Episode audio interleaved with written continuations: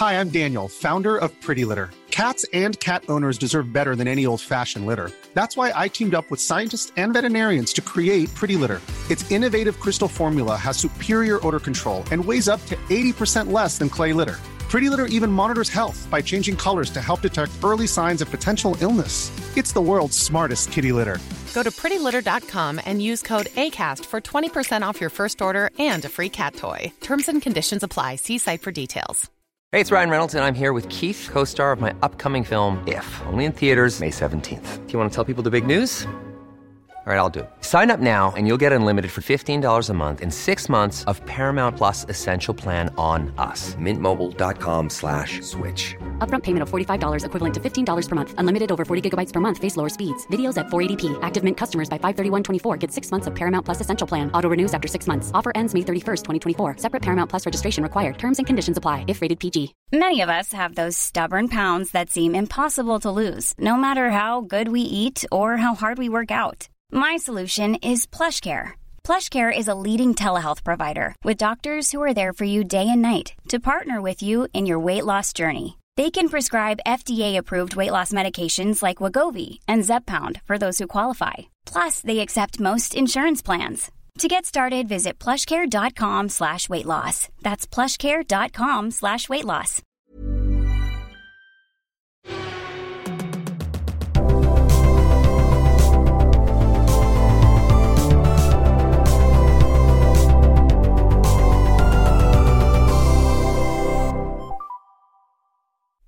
Hallo og hjertelig velkommen til Fantasy Grand Prix, en helt ny fantasy-podkast i regi av Tangeringspunktet, der vi skal lose deg gjennom fantasyåret 2024. Og forhåpentligvis gi deg noen gode tips til eh, hvordan du kan sette opp laget for å gjøre det best mulig i Formel 1 Fantasy. Og eh, fantasy er jo, for å ta det helt enkelt, fantasy er jo det at man tar, setter sammen et lag med utøvere, eller i dette tilfellet førere, tvers av lag, og man får poeng basert på prestasjonen de gjør i det virkelige liv. Og dette er jo første episode, så vi tar det veldig basic. Vi tar eh, lett innføring i det meste, og dette skal jeg selvsagt ikke gjøre alene. Fordi med ved min virtuelle side har jeg som vanlig han Joakim Stenløs.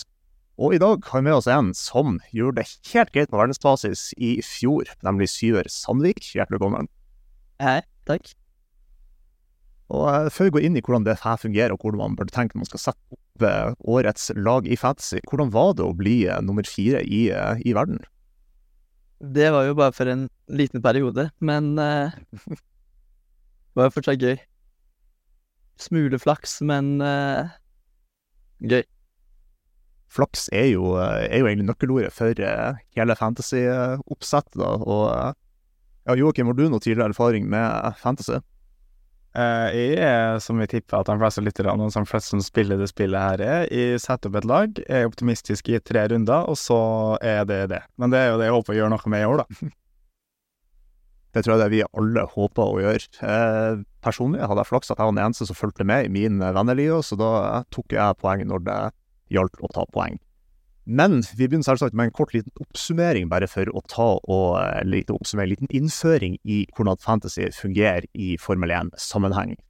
Så måten fantasy fungerer, er at man setter opp et lag, eller i dette tilfellet et team, og man har 100 millioner i budsjett. Med disse 100 millionene skal man ta og velge fem førere og to konstruktører slash team, som da tar poeng basert på prestasjonen i løpet av en løpshelg.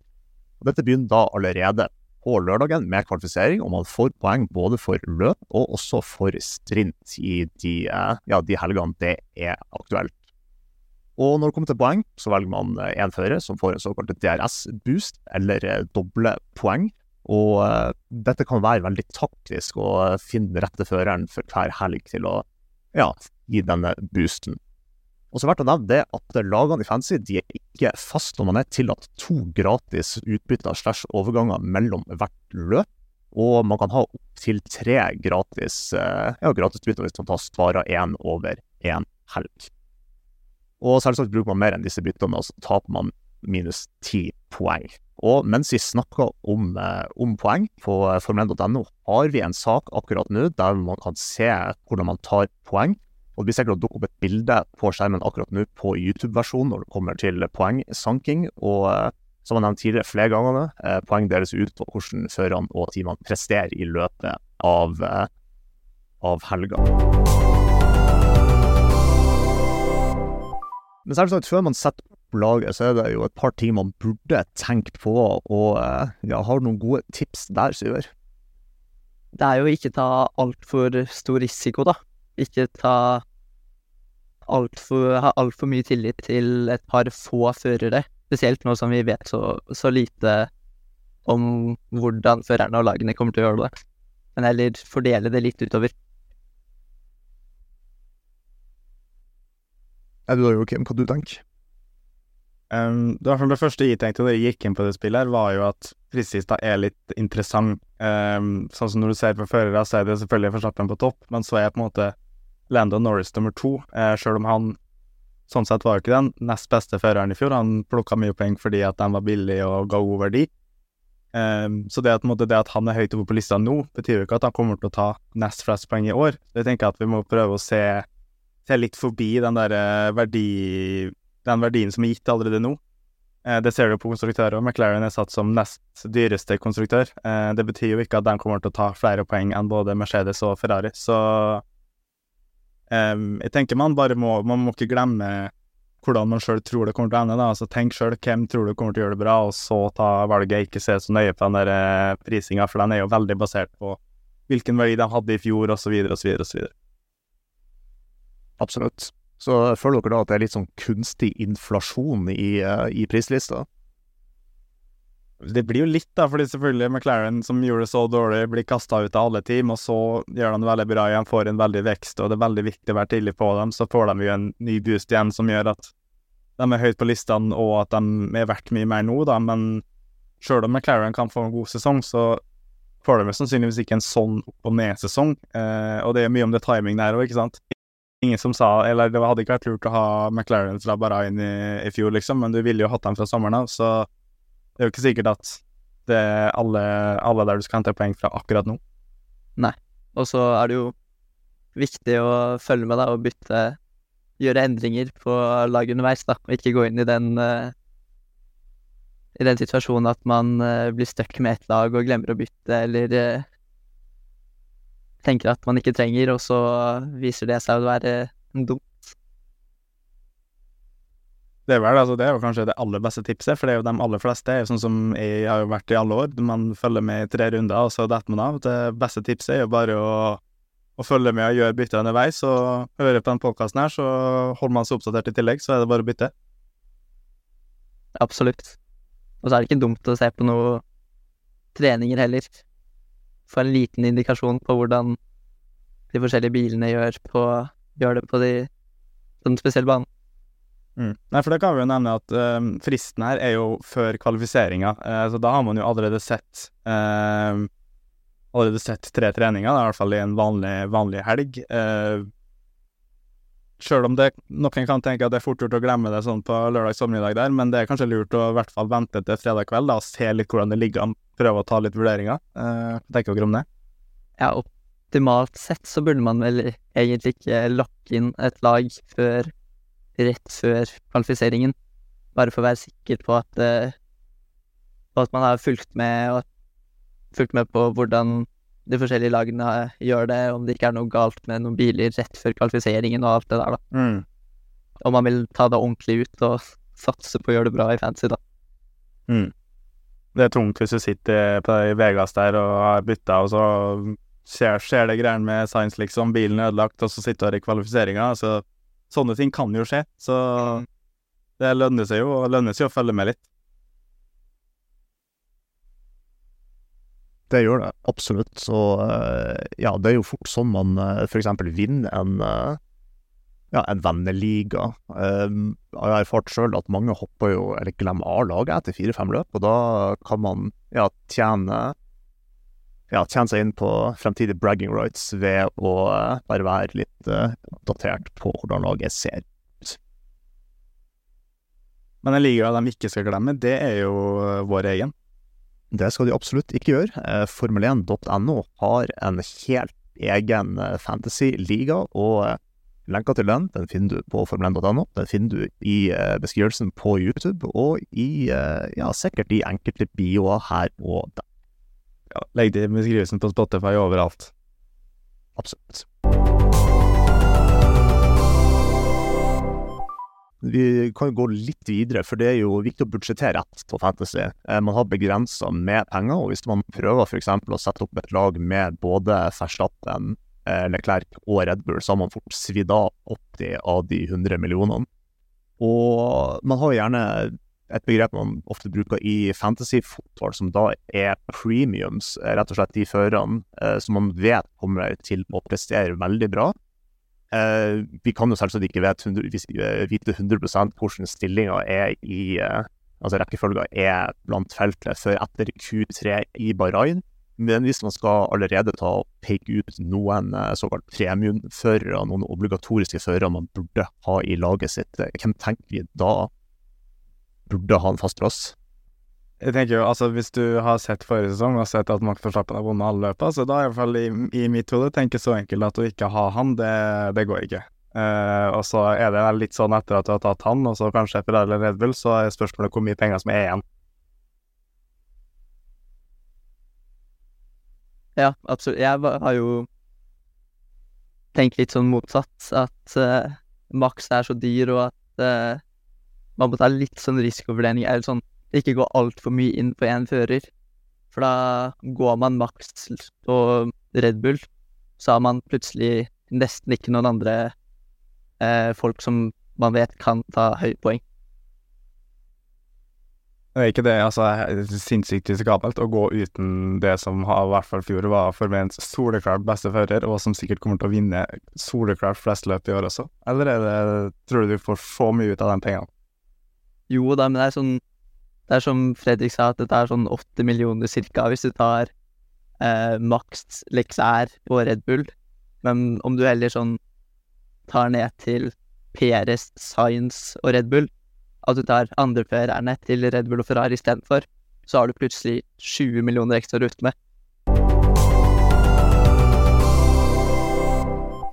Ja, for eventuelt går videre til eh, hva vårt lag er, så kan man jo fort bare eh, ta det opp det at eh, når det kommer poengmessig, så tar jo en konstruktør eller et team tar jo like mange poeng som førerne til teamet kombinert tar. Så hvis f.eks. Max Verstappen tar 50 poeng på en runde, og Perez tar 30, så vil teamet til sammen eh, ta 80 poeng. Bare sånn det er sagt. Så her kan det være lurt å tenke litt eh, taktisk, og eh, det tror jeg absolutt eh, mange blir å tenke litt sånn forover på når de velger ut eh, laget sitt. Eh, så hvis vi klarer, så kan jo vi begynne med laget mitt. Da har jeg altså som fører, som ja, de to premiumførerne mine, så har jeg Verstappen da som DRS-fører, og så har jeg Leclerc som min nummer to. Og for å egentlig spre poengsankinga litt utover, så har jeg ta, da tatt og eh, valgt Gasly, Hulkenberg og Bottas. Jeg har litt trua på at de er såpass rutinerte at de klarer å sanke inn noen poeng, på hvert fall det å eh, tjene inn plasseringa. Og på Teams så tenker jeg ytterligere på det å spre poengene utover, og så har jeg valgt McLaren og Williams, ettersom jeg føler at de er på en liten oppsving fra fjorårssesongen. Ja. Interessant. Hva er dommen over eh, laget, Siver? Nei da, det, det høres jo bra ut. Og um, man kan ikke vite om, for helt sikkert om det er om det lønner seg eller ikke før første løp. Uh, men han setter jo også uh, mye mye på at uh, Max spesielt da skal gjøre det bra. Ja, men altså, fordi du det, For det gjør jo ikke du. Det syns jeg er ganske interessant. Altså, for Vi skal snakke om alle lagene, men bare sånn Er det litt sånn at man Når man har så lite penger som man tross alt har, altså det merker at 100 millioner, de går, de går veldig fort, Ja, ja. så må du jo egentlig velge mellom Red Bull og Verstappen. I hvert fall veldig mange må gjøre det. Jeg har ikke sett så mange som har både Verstappen og Red Bull. Mm. Er det da at du mener at Red Bull som konstruktør utgjør større verdi å ha på laget enn å bare ha Max på laget? Ja, det er jo sånn Ser man på hvordan Hvor mye poeng man scorer på de forskjellige sånn utfallene, så ser man jo at eh, konstruktøren har ganske mye å si. Um, så jeg ville heller gått for Red Bull enn som konstruktør, og heller gått litt ned på førerne enn å ta litt sånn bunnteam på konstruktørene.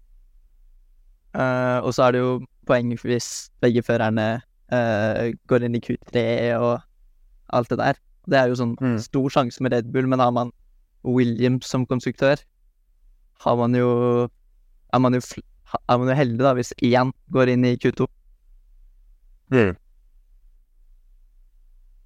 Ja, for det er jo en sånn De plukker ganske mye poeng basert på kvalifiseringa i seg sjøl, så sånn sett så er det kanskje du blir sittende og taper ganske mye penger da, hvis du ender opp med å velge en konstruktør som er ganske off.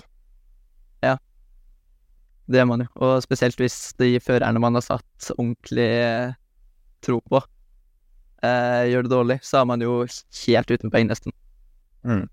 Ja, og så tenker jeg også, Med tanke på at du har at eh, en fører kan tjene poeng med å kjøre seg oppover i et løp, så er det kanskje bedre å ha flere billige førere. da, At du Eller kanskje tipset er litt å dytte pengene på konstruktører. Bruke litt mer penger på konstruktører, og så heller eh, nedgradere litt førere og sitte med en Joe og Hulkenberg og litt varianter som kan kjøres oppover. Eller hva tenker dere om det?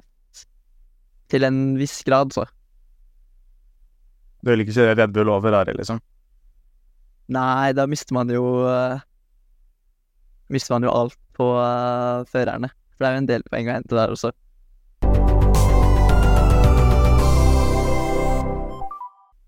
Yes. Enn Joakim, da, hvordan ser ditt lag ut for sesongen? Eh, nei, altså jeg kan allerede nå røpe at laget mitt ser annerledes ut nå enn det det gjorde før vi trykka på record. Fordi jeg har blitt uh, omvendt. Jeg er nå enig med Syver. Jeg har ikke Verstappen, jeg har uh, Red Bull istedenfor. Oi. Uh, så så lett er jeg å snu, med andre ord. Men det gir egentlig veldig mening når man tenker over det, fordi jeg kunne ikke hatt både Verstappen og Red Bull, og det som vi snakka om, Red Bull får jo poengene til Verstappen utenom Drivers Today, da. Så da føler jeg på en måte at jeg må ha dem, og når jeg først har dem, så føler jeg ikke at jeg har helt plass til, eh, til Verstappen. Eh, så sammen med Red Bull på konstruktør, så har jeg alpin. Jeg føler de er sånn De er greit prisa, og de kommer til å ha førere i Q2 og Q3 relativt ofte, så det drar litt poeng. Eh, og så som på en måte de dyreste ute på, holdt på å si, med førerne, så har jeg Charlie Clair, og så har jeg Oscar Piastri. De koster jo begge rundt 19. Eh, og så liksom på det nivået litt under, så har vi Daniel Ricardo. Jeg føler kanskje han kan være litt underprisa hvis Ja, den er liksom vanskelig. Det kan være bom, det kan være treff. Eh, samme Gasli, egentlig. 7,8. Hvis han først har noen gode løp, så kan han tenke jeg kan samle veldig mye poeng. Og ikke minst stige litt i verdi. Og jeg tenker litt på det, og prøve å ta dem som kanskje kan øke litt.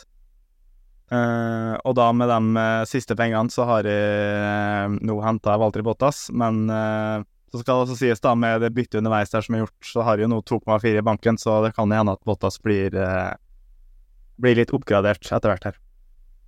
Ja, for det er absolutt noe som eh, jeg glemte å nevne. Det at eh, disse prisene på førerne er ikke fastsatt, og det fungerer litt som et aksjemarked. At de stiger i verdi ved, ved gode prestasjoner, og de kan også synke i verdi om eh, ja, de ikke presterer helt opp den prisen som er satt. Men eh, ja, jeg føler meg nesten konvertert, eh, konvertert jeg også. Jeg tror jo det laget jeg nevnte for litt siden, blir jo ikke å stå til, eh, til Bahrain. Men ja, det er, jo, det er jo sant det at man burde jo kanskje investere mer i gode team enn gode førere, ettersom poengene ligger jo ja, ligger jo mer av de i gode team, høres det ut som. Det er litt interessant, da, fordi at uh, hvis vi går inn og ser litt på hvem som er valgt av flest, så er det på en måte sånn Det er på en måte, tenker jeg, sånn hvis man bare velger det alle andre velger, så kan man jo ikke feile så veldig i starten. ikke sant? Hvis du kjører et team som er ganske likt det de andre har, eh, for eksempel her, da, så vil jo det innebære førere som Albon, Gasly, Verstappen, Ricardo. Eh, de er valgt av veldig mange. Og eh, både RB og Red Bull som konstruktører, så det er klart det må ha kombinasjonen du har råd til, da.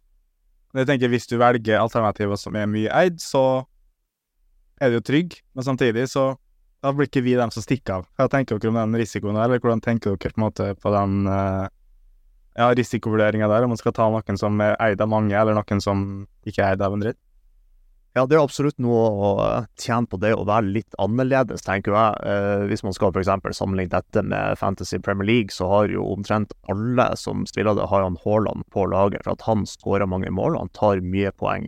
Og da må man jo hente inn poeng fra Eller hente inn sånn flere poeng enn resten på hvilke spillere man har rundt han. Jeg tenker jo det kanskje er jo litt det samme når det kommer til det å f.eks. ha Red Bull i laget. Da, burde man jo tenke at man skal tjene på de førerne eller de konstruktørene som man har på sida av Red Bull, for å på en måte få mest mulig utbytte eh, av poeng i forhold til resten. Mm.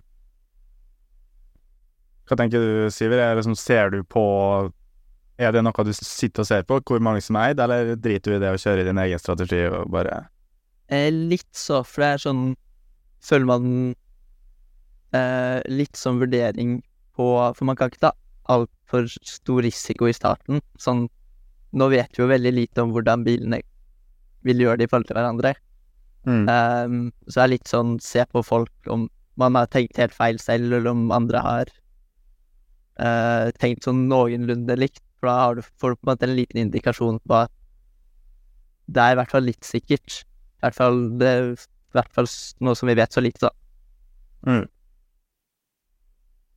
Og hvis vi på en måte ser på noen av dem som er mye valgt, da, som ikke vi nevnte, så er det i hvert fall litt. Når dere nevnte Alexander Albon, han er jo eid av 65% nå, som er jo veldig mye. Eh, er det vi eller folket som er dum, tror du, Syver? Nei, det var et godt spørsmål. Eh, jeg har jo vurdert han, Mm. men eh, har jo sett at i hvert fall at jeg hadde så mye penger til overs på det laget jeg eh, ville ha. Så jeg valgte en annen, har valgt andre førere. Men Mm. jeg tror nok han er en av de som er best til prisen. Men nå har jo, sagt, nå har jo Williams gått ut og sagt at de kommer til å gjøre det dårlig i år. Så det er Ja. jo litt interessant, da, at det er så mange som bare Nei, dere kommer til å gjøre det bra, og tar deg likevel. Jo, men hvis vi, hvis vi kun skulle valgt Altså, hvis vi ikke skulle valgt noen førere som tidligere team som har sagt at de kommer til å starte dårlig, så hadde jo Det hadde ikke vært så mange å, mange å velge, for det begynner jo å bli noen, Fredrik, som har vært litt negativ eh, før sesongstart. Ja, det er jo eh, ganske mange, og nå eh, nå skal jeg ikke si noe før eh, den saken er avgjort, men det ser jo litt rotete ut inne hos Red Bull også.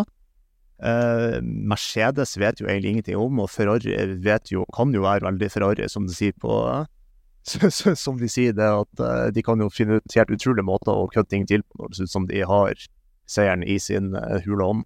Og eh, ja, det kan jo fort hende at eh, noen team tar en Aston Martin, som de gjorde i fjor, at de plutselig har et eller annet som gjør seg at de blir veldig gode, i hvert fall starten av sesongen.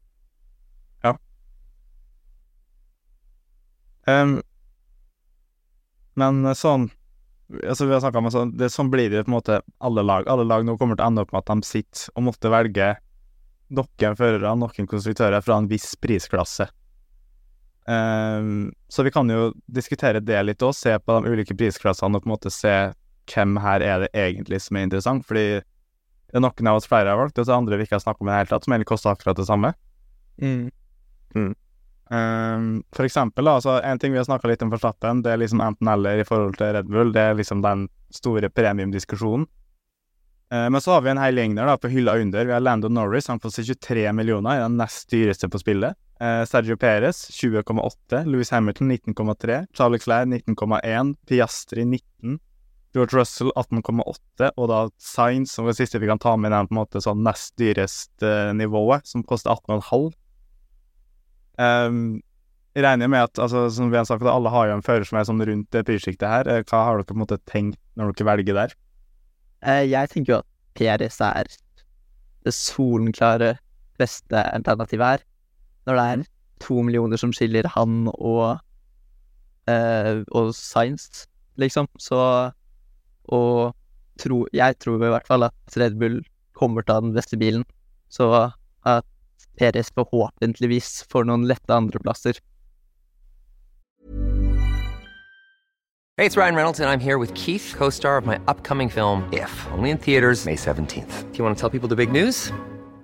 All right, I'll do it. Sign up now and you'll get unlimited for $15 a month and six months of Paramount Plus Essential Plan on us. Mintmobile.com slash switch. Upfront payment of $45 equivalent to $15 per month. Unlimited over 40 gigabytes per month. Face lower speeds. Videos at 480p. Active Mint customers by 531.24 get six months of Paramount Plus Essential Plan. Auto renews after six months. Offer ends May 31st, 2024. Separate Paramount Plus registration required. Terms and conditions apply if rated PG. Hiring for your small business? If you're not looking for professionals on LinkedIn, you're looking in the wrong place. That's like looking for your car keys in a fish tank.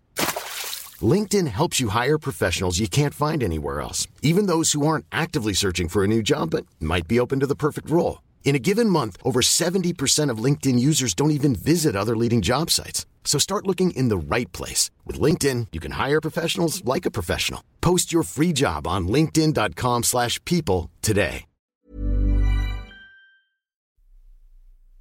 Tror i hvert fall at han kommer til å gjøre det bedre enn Sainz og Piastri og alle de der. Mm. Hva tenker du, Fredrik? Har du vurdert Perez?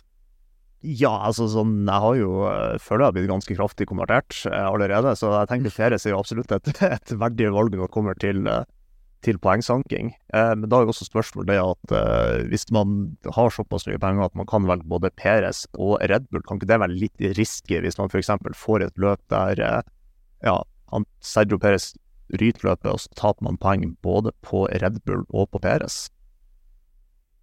Jeg tenker det er eh, mer sikkert å ha det sånn enn å gå Red Bull og uh, Verstappen, som jeg tenker flere har gjort.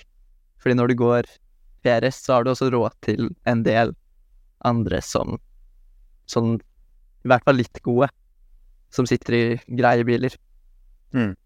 Men om det da på en måte, si på den plass to her da, si hvis du har to liksom dyre plasser, at du på den plassen må nedgradere fra Norris til Piastri, eller fra Leclerc til Sainz, altså gå for andre førere i den teamet, eller ned til Russell istedenfor Hamilton, tenker du det da fortsatt er verdt det?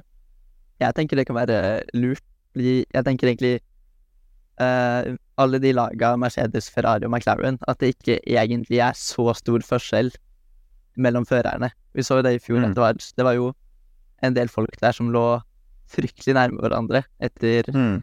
verdensmesterskapet over.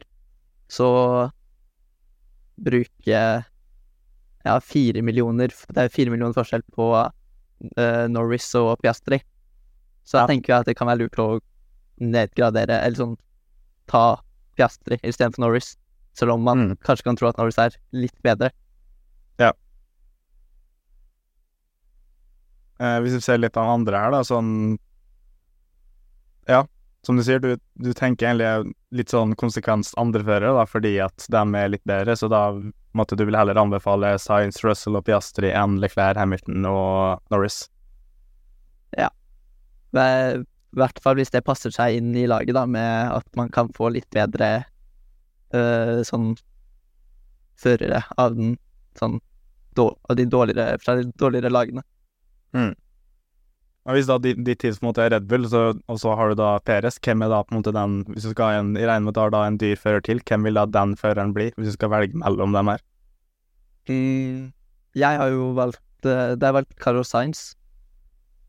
For jeg kan jo ta hele laget mitt. Ja. Mm. Da har jeg Perez som førstefører, så to X-ban. Eh, og så har jeg Carlos Sainz. Og så har jeg både Esteban Ocon og Pierre Gasly. Og så har jeg kjørt på med Yuki Sunoda.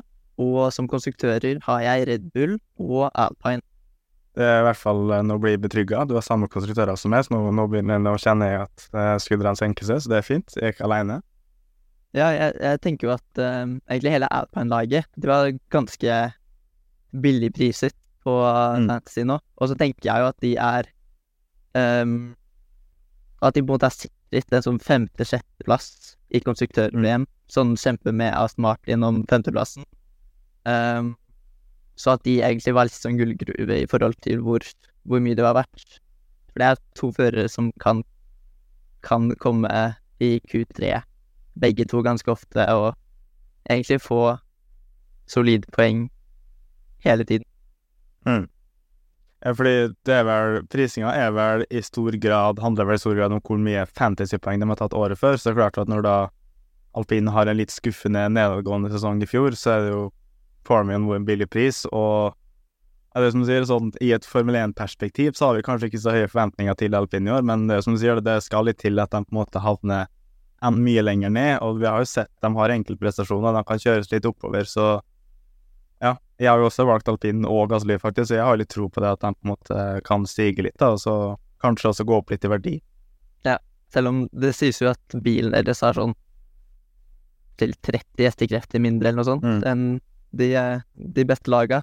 uh, men jeg tror fortsatt bilen er ganske mye bedre enn de dårligste.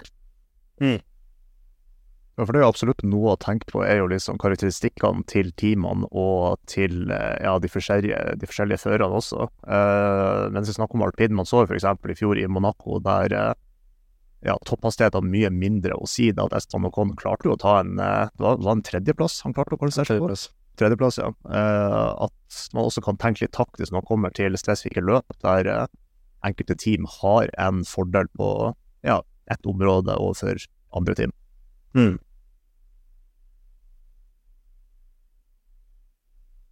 Um, så, men sånn, altså Hvis du ser litt mer på prisingen, da, fordi det som sier, de blir prisa litt etter hvordan de gjør det. Det er jo derfor på en måte at McLaren nesten er litt sånn prisa ut, kanskje sett bort fra Piastri.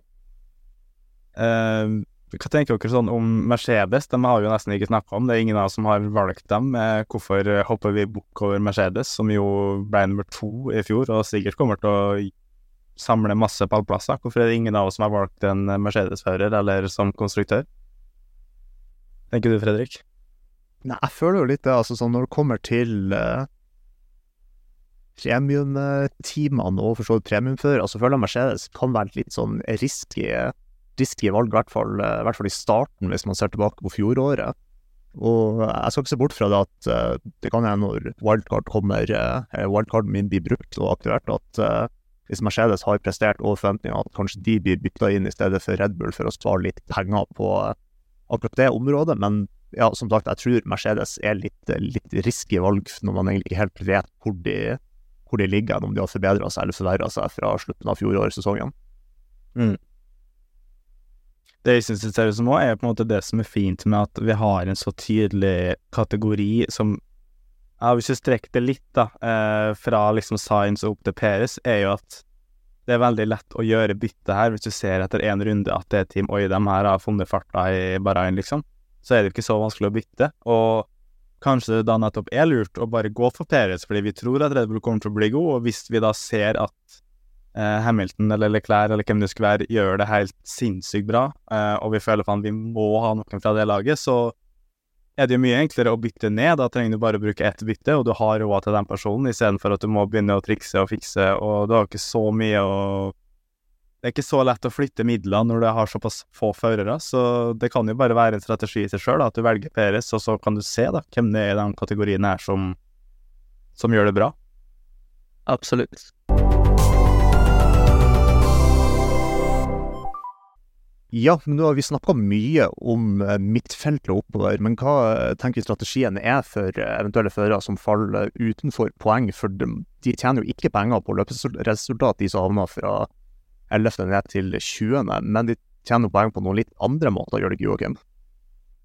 Jo, eh, det som er greia med førerne utenom bare på de rene plasseringene, som du sier, det er at de, eh, de, plukker også poeng på å kjøre seg oppover i feltet. Eh, så du får ett poeng både for at du har tjent en posisjon, bare på en måte fra resultatlista fra hvor du starta til hvor du endte, og så i tillegg hvis du holdt på å si gjør det ute på banen med at du faktisk kjører forbi noen, så, så får du også et poeng for det, da. Så det er på en måte et sånn lite ekstrapoeng til den uh, Hva var den prisen heita? Den med flest forbikjøringer. Det er jo en egen kåring som ikke så veldig mange følger med på vanligvis, men den, den kan faktisk være litt fin å tenke på nå, fordi førere litt nedi der, eh, som er litt billig, men som har mange forbikjøringer, det kan være veldig greit å ha, da.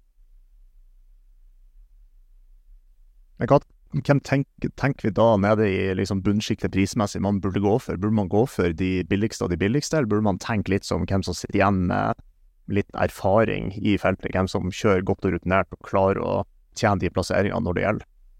Jeg føler jo det er noen som utpeker seg spesielt, da. Bottas er jo rutta.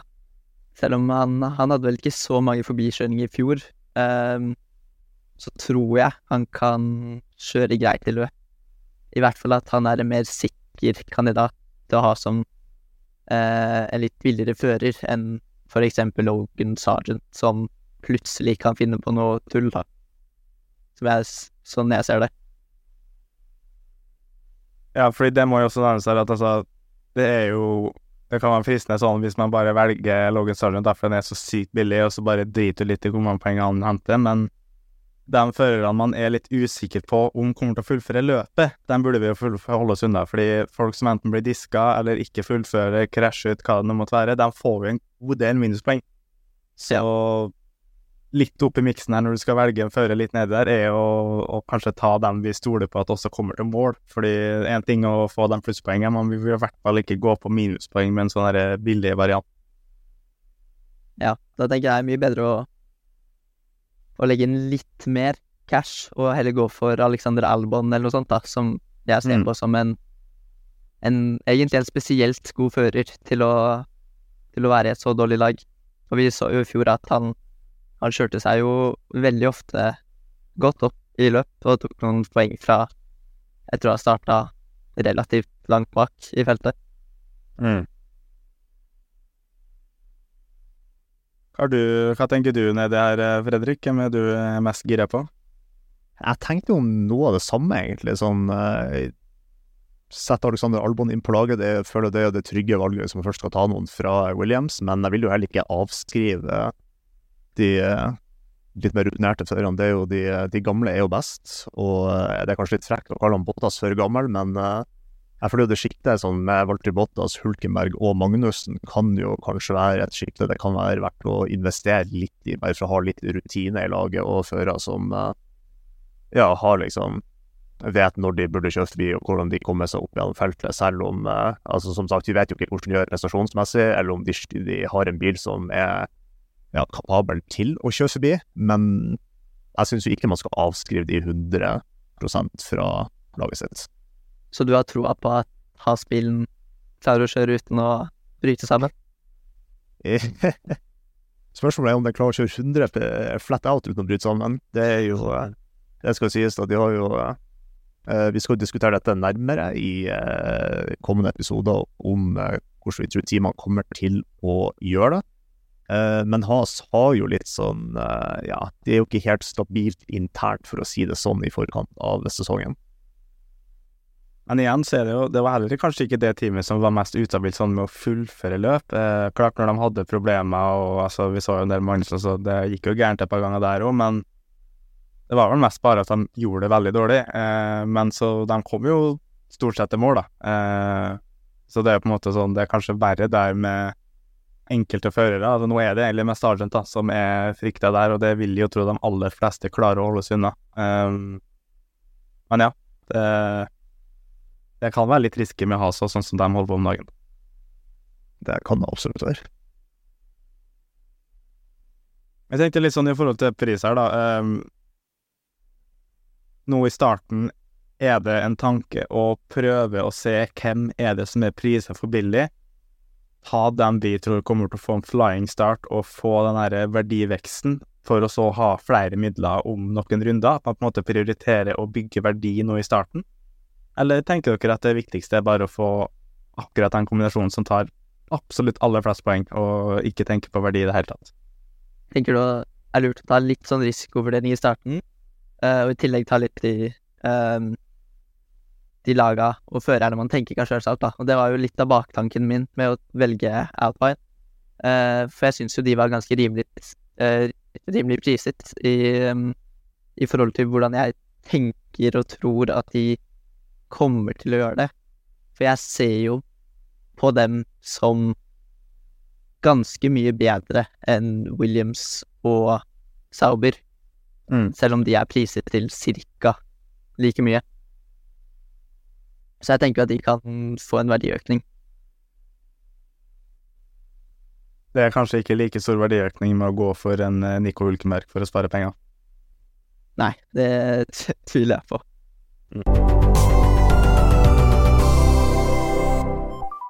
Som jeg nevnte tidligere flere ganger, eh, poeng deles ut på hvordan førerne og teamene presterer i løpet av, eh, av helga. Men det er ikke så enkelt, for vi har noen såkalte chips og power-ups som da kan ta og modifisere dette i løpet av eh, en helg eller sesongen.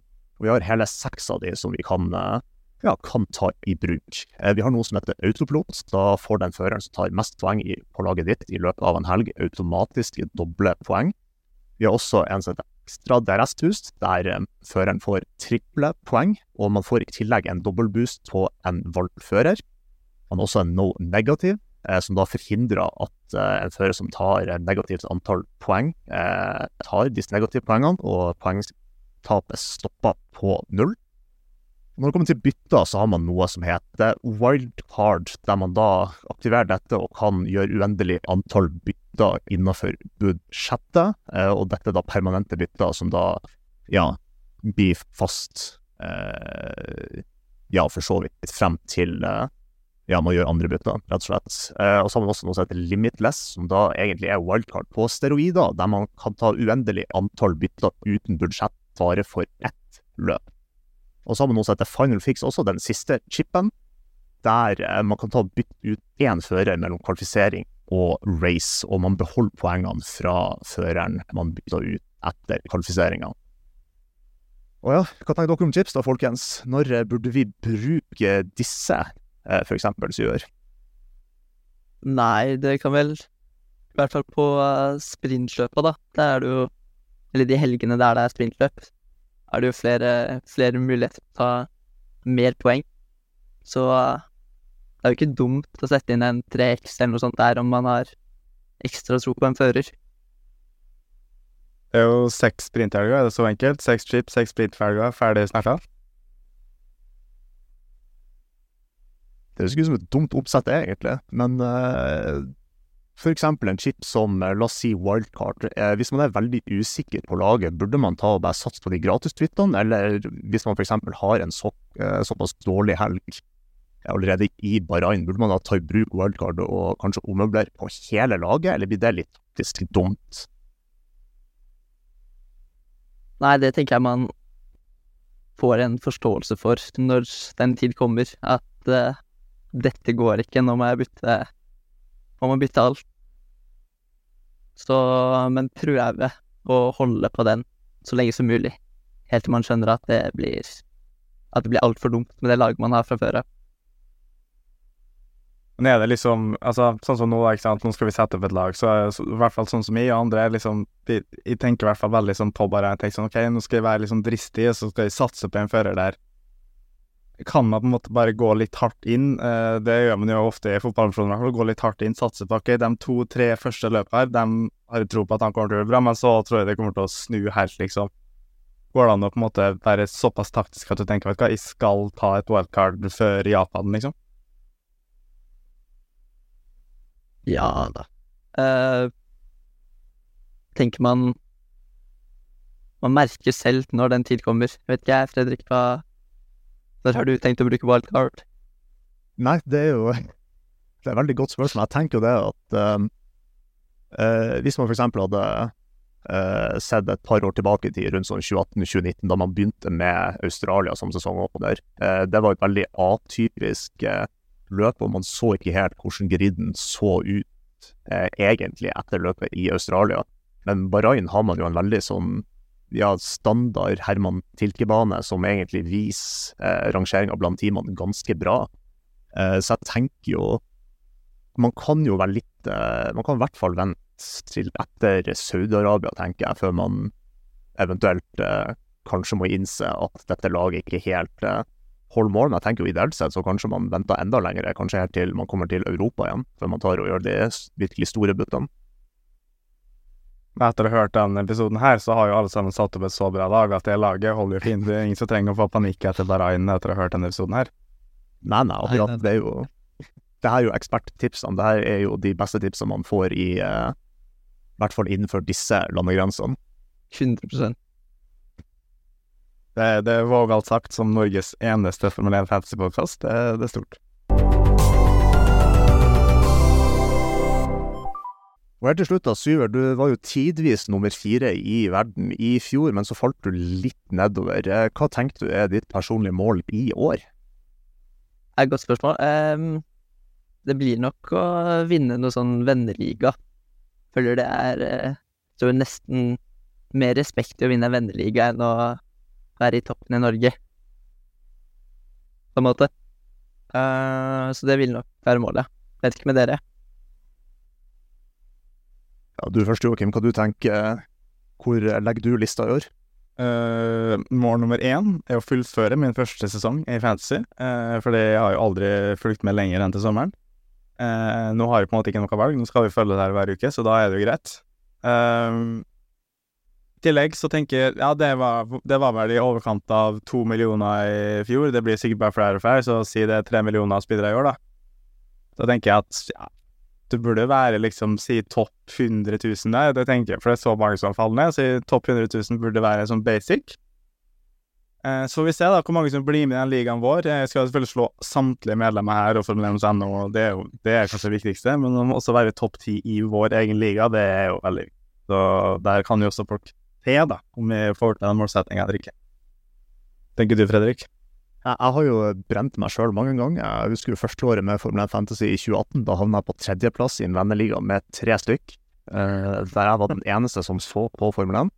Uh, så det er jo selvsagt mye, mye, mye på, på, spill når det kommer til uh, ja, i hvert fall intern respekt. Eh, jeg er jo enig for så vidt der at hvis det er ca. tre mill. Som, eh, som, spiller fantasy, så tenker jeg at eh, som Fantasy Formel 1 podcast-host, så må man i hvert fall klare ja, kanskje topp 200 000, 100 000 i verden. Eh, og så ja, tror jeg legger lista på i hvert fall topp top åtte i Formel 1.no-ligaen. Så lenge det er under med, så går det fint. vi, får, vi får, se hvordan det går, og vi får også se hvordan det går med alle dere andre. Eh, det er utrolig lav terskel for å være med i Fantasy, og man kan gjøre det ja, legge inn akkurat så mye innsats som man sjøl vil i det. Og du tror lav terskel på å være med i ligaen, så får du ta og se hvordan du måler dem med resten av våre lyttere og lesere på uh, formel1.no. Og uh, ja, neste ukes, eller til neste episode, skal vi ta og gå gjennom hvordan det gikk i Bahrain, og hvordan det kommer til å gå i Saudi-Arabia, i hvert fall som vi tror det kommer til å gå. Og i mellomtida så får vi ha takk og farvel, og så ses vi neste gang.